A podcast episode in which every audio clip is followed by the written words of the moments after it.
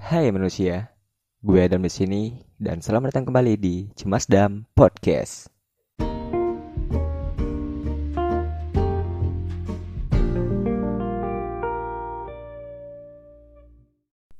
Eh lo semua lagi dengerin Cemas Dam Podcast bareng gue Adam Priyadi, as your host di sini. Gila men, udah lama banget kita nggak update nih podcast ini ya kan. Sebenarnya juga gue update episode kali ini tuh nggak sengaja gitu, gara-gara. eh Oke gue cerita dulu ya. Jadi beberapa hari yang lalu, eh cicilan KPR gue kan udah lunas nih cuy gitu. Jadi ya gue eh, datang ke bank tempat eh, bank yang ngasih gue pinjaman KPR gitu buat ngambil surat pelunasan terus ngambil eh, SHM gue gitu ngambil surat tanah gue surat rumah gue gitu dan dokumen lainnya lah gitu segala macam. Eh, itu gue berangkatnya tuh pagi tuh sekitar jam 9an lah maybe. Iya jam 9an terus selesai itu tuh jam 10 kan. Selesai dari bank itu udah beres semuanya. Eh, kan eh, kita harus ke BPH dulu tuh buat nyoret eh, nama eh, orang yang mempunyai hak atas tanah itu ya kan?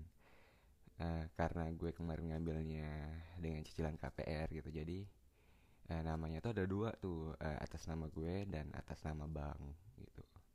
Nah tapi karena udah lunas KPR-nya gitu terus ya udah gue wajib untuk membawa surat gue itu ke pihak BPH eh BPH BPN udah bawa, bawa ke BPN itu buat nyoret eh, nama dari pihak banknya gitu.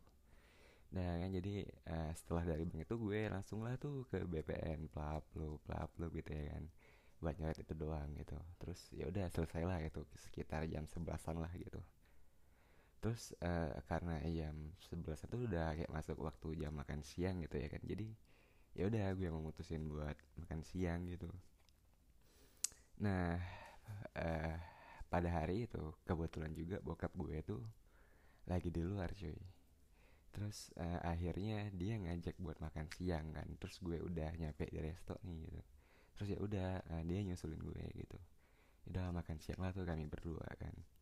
Terus tiba-tiba bokap gue nyeletuk gini cuy kayak bapak lihat-lihat eh, podcast kamu nggak pernah aktif lagi ya dek gitu kenapa nggak aktif lagi? Kan sayang tuh kamu punya sebuah platform gitu yang bisa ngebuat kamu mengekspresikan apa yang ada di pikiran kamu gitu ya kan.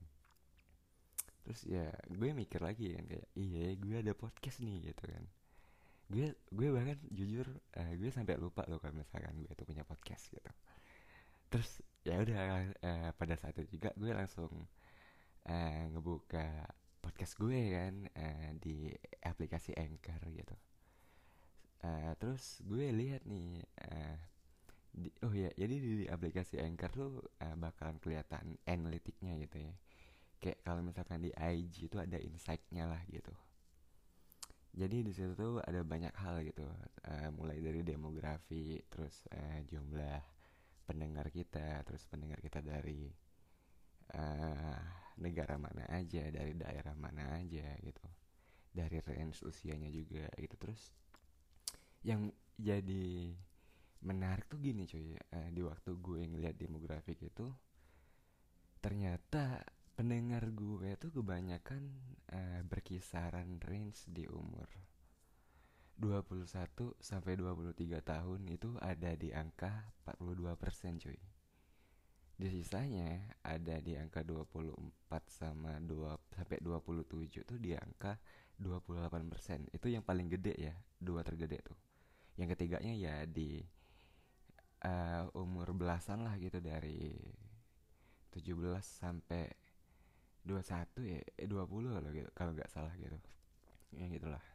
Dan masih banyak lagi gitu kan. Nah, terus eh, gue mikir nih kayak kayaknya eh, anak-anak yang seusia gue gitu kan yang dari umur 21 sampai 25 sampai 27 gitu tuh kayaknya mereka tuh juga lagi berniat buat ngebangun rumah sendiri atau membeli sebuah rumah gitu kan. Entah itu bakal jadi aset properti milik mereka atau itu bakal menjadi hunian tempat mereka gitu kan. Nah terus uh, gue jadi kayak ngebuat kesimpulan gini kayak, uh, kayaknya memang bener deh kalau misalkan di umur umur yang kayak kita kita sekarang ini yang early sampai middle twenties gitu tuh lagi kayak bergelut buat uh, membeli sebuah aset gitu ya kan. Nah dan juga kalau misalkan uh, membeli rumah tuh kan ada dua cara tuh entah itu kita melakukan pinjaman cicilan KPR atau kita membeli langsung secara cash gitu kan. Tapi setelah kita lihat lagi juga kan uh, ya kan nggak semua orang punya duit fresh money yang sebegitu banyaknya gitu ya yang langsung kita bisa beliin aset secara cash gitu. Jadi ya yang paling possible ya KPR gitu ya kan. Uh, so kali ini gue bakal ngebahas sesuatu yang lebih serius cuy yaitu seputar mekanisme transaksi KPR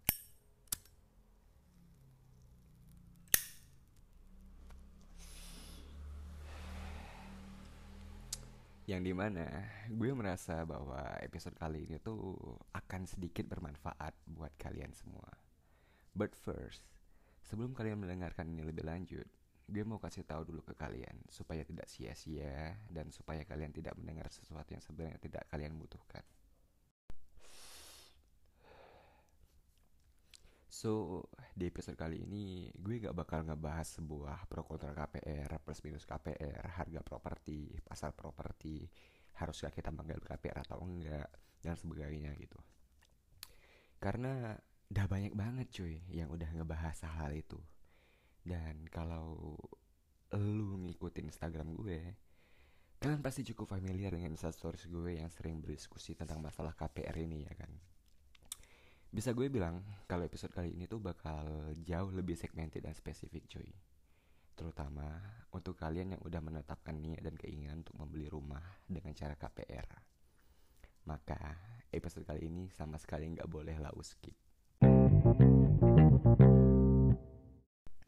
Oke, gue langsung aja ya. Yang namanya ngurus KPR berdasarkan pengalaman pribadi gue, itu bikin capek cuy. Melelahkan. Bayangin aja, lu harus nyari rumahnya, lokasinya, nyocokin anggarannya, lu ajuin form ke bank, bank akhirnya nentuin lu cocok jadi nasabah atau enggak. Setelah di ACC pun gak bisa langsung, rumah lu harus di appraisal, lu harus nungguin plafonnya, setelah itu lu harus ke notaris, lu harus bayar provisinya, lu bayar administrasinya, lu bayar asuransinya, lu bayar pajaknya, barulah tanda tangan akad gitu. Dan ini tuh capek banget cuy, asli tapi kuncinya sebenarnya tuh di sini cuy. Gue mau bilang ke kalian semua, secapek apa pun lu ngurus KPR, jangan sampai lu hilang fokus. Satu hal yang mesti lu jaga yaitu ketelitian. Kenapa? Karena kalau lu sampai ceroboh, kecerobohan lu bisa aja menimbulkan kerugian yang sangat besar. Bukan cuma buat lu, tapi untuk keluarga lu. Apa aja bentuk kerugiannya? Satu, lu bisa aja terlibat sengketa dan masalah yang memakan waktu dan biaya gitu. Yang kedua, lu bisa aja mengasur cicilan lebih mahal dari yang lu perkirakan. Yang ketiga, lu bisa aja membayar pajak lebih besar dari yang diwajibkan. Keempat, setelah lu meninggal, bisa aja keputusan lu untuk mengambil KPR itu menimbulkan masalah untuk orang-orang yang lu tinggalkan. Terlebih untuk istri dan anak-anak lu. Lalu bagaimana agar kita terhindar dari semua resiko ini? Yang pertama sertifikat. Pertama, lo harus paham dulu kalau rumah ini tuh berdiri di atas tanah dan tanah ini tuh ada sertifikatnya, Pak. Nah, kalau untuk hunian, biasanya ada tiga macam sertifikat. Yang pertama SHM, yang kedua HGB, dan yang ketiga GIRIK. Pertama SHM atau surat hak milik. Kekuatan hukumnya tuh paling kuat, Pak. Paling mengikat. Gigi lah gitu pokoknya lu punya kewenangan penuh dalam mengelola tanah dan bangunannya gitu. Yang kedua, HGB atau hak guna bangunan. Lu punya hak untuk bangunannya, tapi untuk tanahnya lu harus memperpanjang dalam periode tertentu. 30 tahun, 20 tahun, 20 tahun gitu pokoknya. Yang ketiga, girik.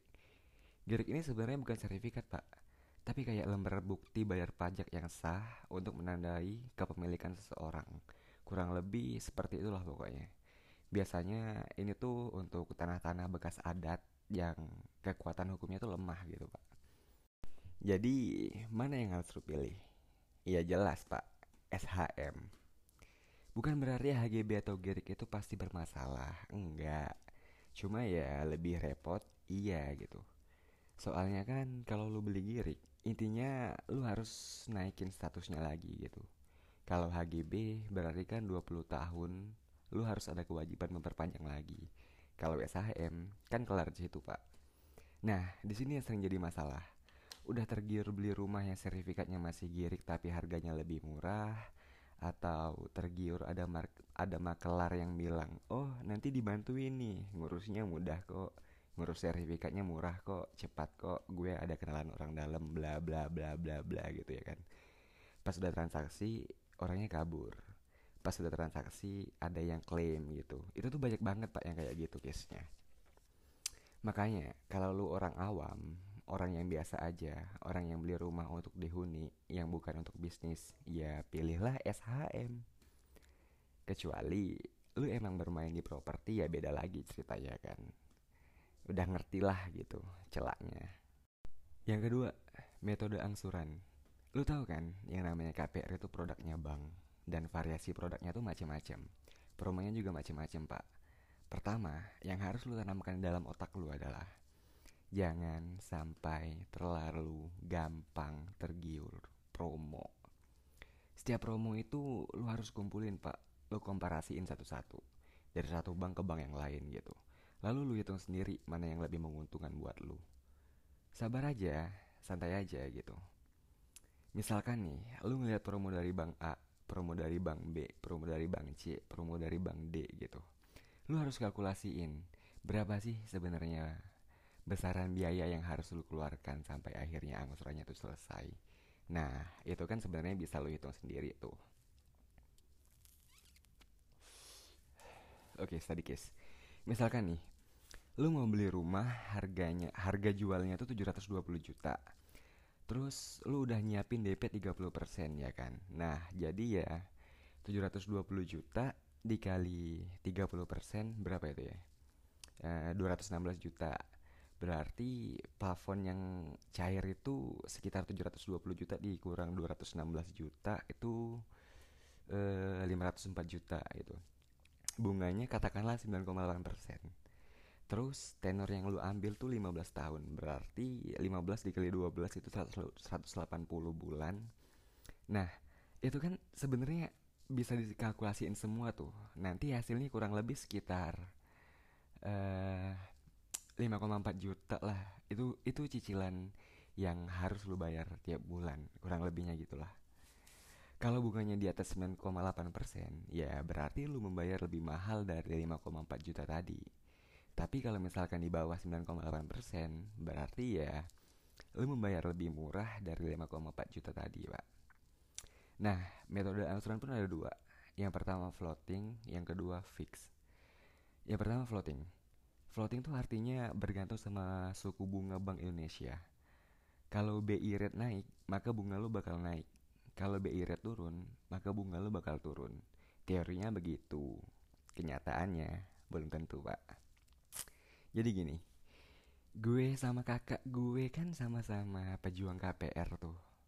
Nah, bedanya metode angsuran kami itu berbeda gitu gue ngambil yang bunga fix dari awal sampai akhir sedangkan kakak gue tuh yang floating. Uh, tapi floatingnya tuh nggak yang uh, tok tok floating gitu. Tapi dia tuh lima tahun awal uh, dia tuh masih bunga fix pak. Terus 10 tahun kemudiannya dia tuh uh, bakalan berubah jadi floating tuh mengikuti suku bunga Bank Indonesia gitu. Nah kalau cicilan gue ya dari awal sampai akhir tuh fix pak di angka 14,2 juta. Jadi nggak ada masalah sama sekali lah gitu. Tapi coba kita ambil study case dari cicilan kakak gue ini. So waktu itu kan kakak gue ngambil rumah ini tuh di tahun 2016 ya. Waktu itu kan masih promo bunga fix 8,75% dalam lima tahun tuh. Dan waktu itu BI rate itu ada di angka 6,5% sampai 7,5%. Katakanlah 7% deh. Dan berapa cicilan yang harus dibayar kakak gue pada waktu itu?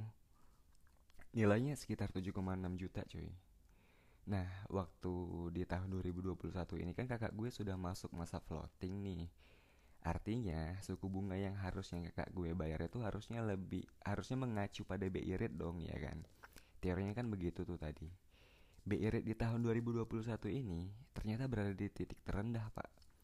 Ya kan karena stimulus karena kondisi pandemi dan segala macem lah gitu. Sekarang di 2021 ini BR itu ada di angka 3,5 persen. Logikanya harusnya bunga KPR yang kakak gue bayar tuh lebih murah dong. Karena kan dia floating. Floating kan katanya mengikuti suku bunga dari Bank Indonesia. Tapi kenyataannya kagak cuy dia justru dalam 8 bulan terakhir ini membayar lebih mahal berkisar di angka 8,3 juta sampai 8,6 juta lah gitu. Simpelnya, bank yang ngasih dia bunga KPR, bunga KPR-nya tuh nggak bener-bener ngikutin penurunan suku bunga acuan dari Bank Indonesia. Yang padahal tahun ini kan berada di angka 3,5 persen nih. Terus uh, ngapa bisa kayak gitu? Ya simpelnya gini cuy. Karena bank sendiri tuh punya kalkulator resikonya masing-masing gitu. Yang kami sayangkan adalah transparansinya. Karena menurut gue ya, nasabah itu seharusnya juga punya hak dong untuk tahu bagaimana mekanisme penghitungan dasar bunga KPR yang harus mereka bayar tiap bulannya. Setelah gue cari tahu pun, ternyata antar nasabah di bank yang sama itu bisa beda pak bunganya. Dan sayangnya, ya udah. untuk urusan kayak gini tuh belum ada regulasi yang bener-bener saklek banget buat hal tersebut gitu. Yang lebih ironi lagi, 2020 sampai 2021 ini kan ada stimulus ya, ada pemilu, ada pemulihan ekonomi nasional gitu. Harusnya bunga KPR yang dia bayar itu bahkan logikanya harusnya lebih murah daripada di awal dong. Karena kan ada stimulus, stimulus tadi dikasih pemerintah ke bank kan untuk bantu bank-bank ini lu dapetin injeksi dari pemerintah yang fungsi dan tujuannya untuk membantu masyarakat, tapi sementara masyarakat sendiri bebannya nggak lebih ringan. Itu kan jadi ironi tuh sebenarnya. Nah, inilah gue minta semoga Bank Indonesia lebih ketat lagi mengawasi hal-hal seperti ini, Pak. Nah, intinya misalkan lu mau ngambil rumah di tahun ini dan lu dikasih pilihan harus ngambil bunga yang floating atau flat. Gue bisa bilang ya carilah bunga yang carilah bank yang bisa memberikan penawaran bunga fix dalam jangka waktu yang panjang dengan hitungan bunga yang masuk akal. Udah ada pak, udah ada kok bank yang kayak gini. Bank yang ngasih lo 10 tahun gitu bunga fixnya. Yang mana bunganya tuh cuma ada di angka 9,3 persen pak. Ya seenggaknya ini lebih terukur cuy. Jadi jangan gampang kemakan. Ah gue ambil floating karena bunganya nanti ngikutin BI rate. Kalau BI rate-nya naik ya bunga gue pasti memang naik. Tapi kalau misalkan BI rate-nya turun gue pasti bayar cicilannya lebih murah. Yang yang yang kakak gue rasain tuh dalam setahun terakhir ini nggak kayak gitu cuy. Trust me man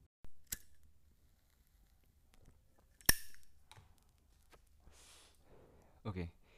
yang ketiga pajak hal yang perlu kalian pahami setiap transaksi KPR itu kan punya kewajiban pajak, baik penjual maupun pembelinya ya. Misalnya tuh kayak PPH, PPN, PBB, sampai BPHTB. Nah, kita bakal spesifik ngomongin soal BPHTB-nya nih, karena banyak banget yang nggak terlalu ngerti gitu.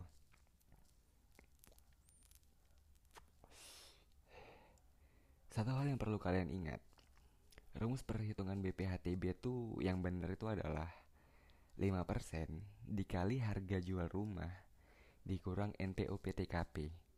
Jadi, misalnya kalau ada pihak atau orang atau oknum yang bilang ke lu, kalau kewajiban pajak lu sebagai pembeli adalah 5% dikali nilai jual rumah, itu salah cuy.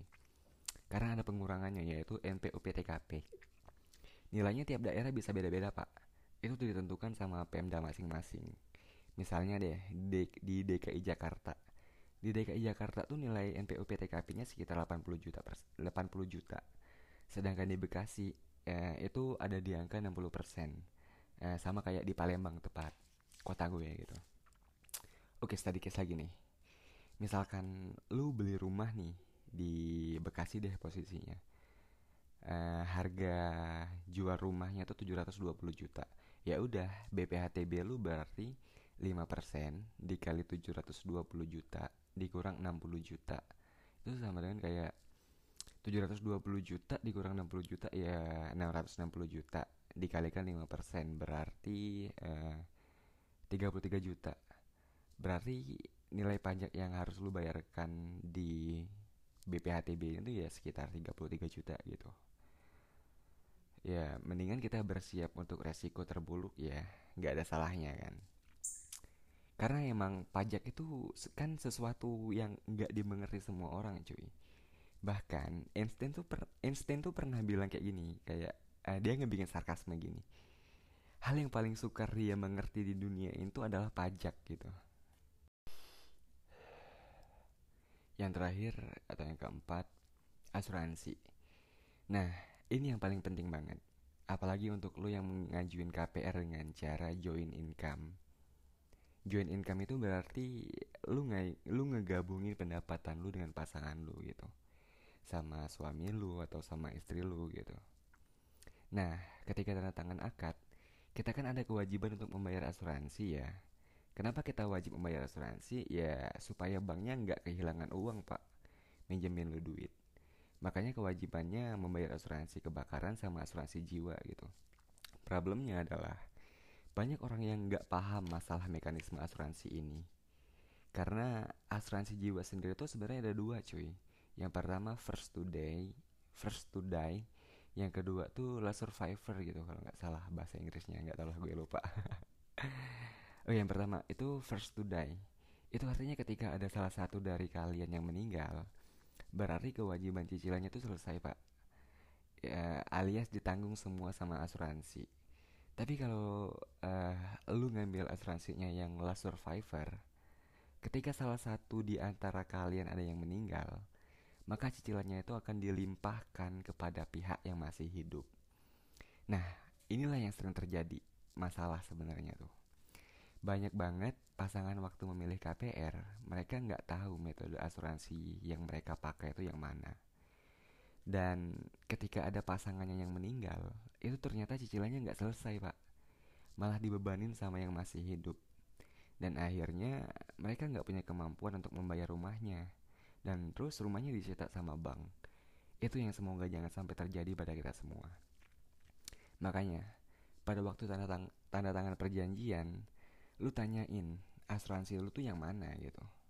Kalau ternyata di dokumennya nggak bunyi atau nggak tertera, lu punya hak untuk tahu metode asuransi atau pro produk asuransi apa yang lu ambil di situ. Itu sebagai konsumen, lu punya hak pak untuk perlindungan konsumen. Nah, uh, mungkin uh, itu aja sih yang bakal gue bahas di episode kali ini. Dan semoga episode kali ini bermanfaat. Dan kalau ada hal yang ingin kalian tanyain atau kalian sekedar ingin cerita tentang apa pun, lu bisa ketuk email gue di cemasdam@gmail.com atau lu buka emailnya tuh di description podcast nanti atau di bio Instagram gue gitu. Dan kayaknya gue bakalan lebih aktif lagi di podcast ini mulai sekarang. So sampai jumpa di episode selanjutnya pak see you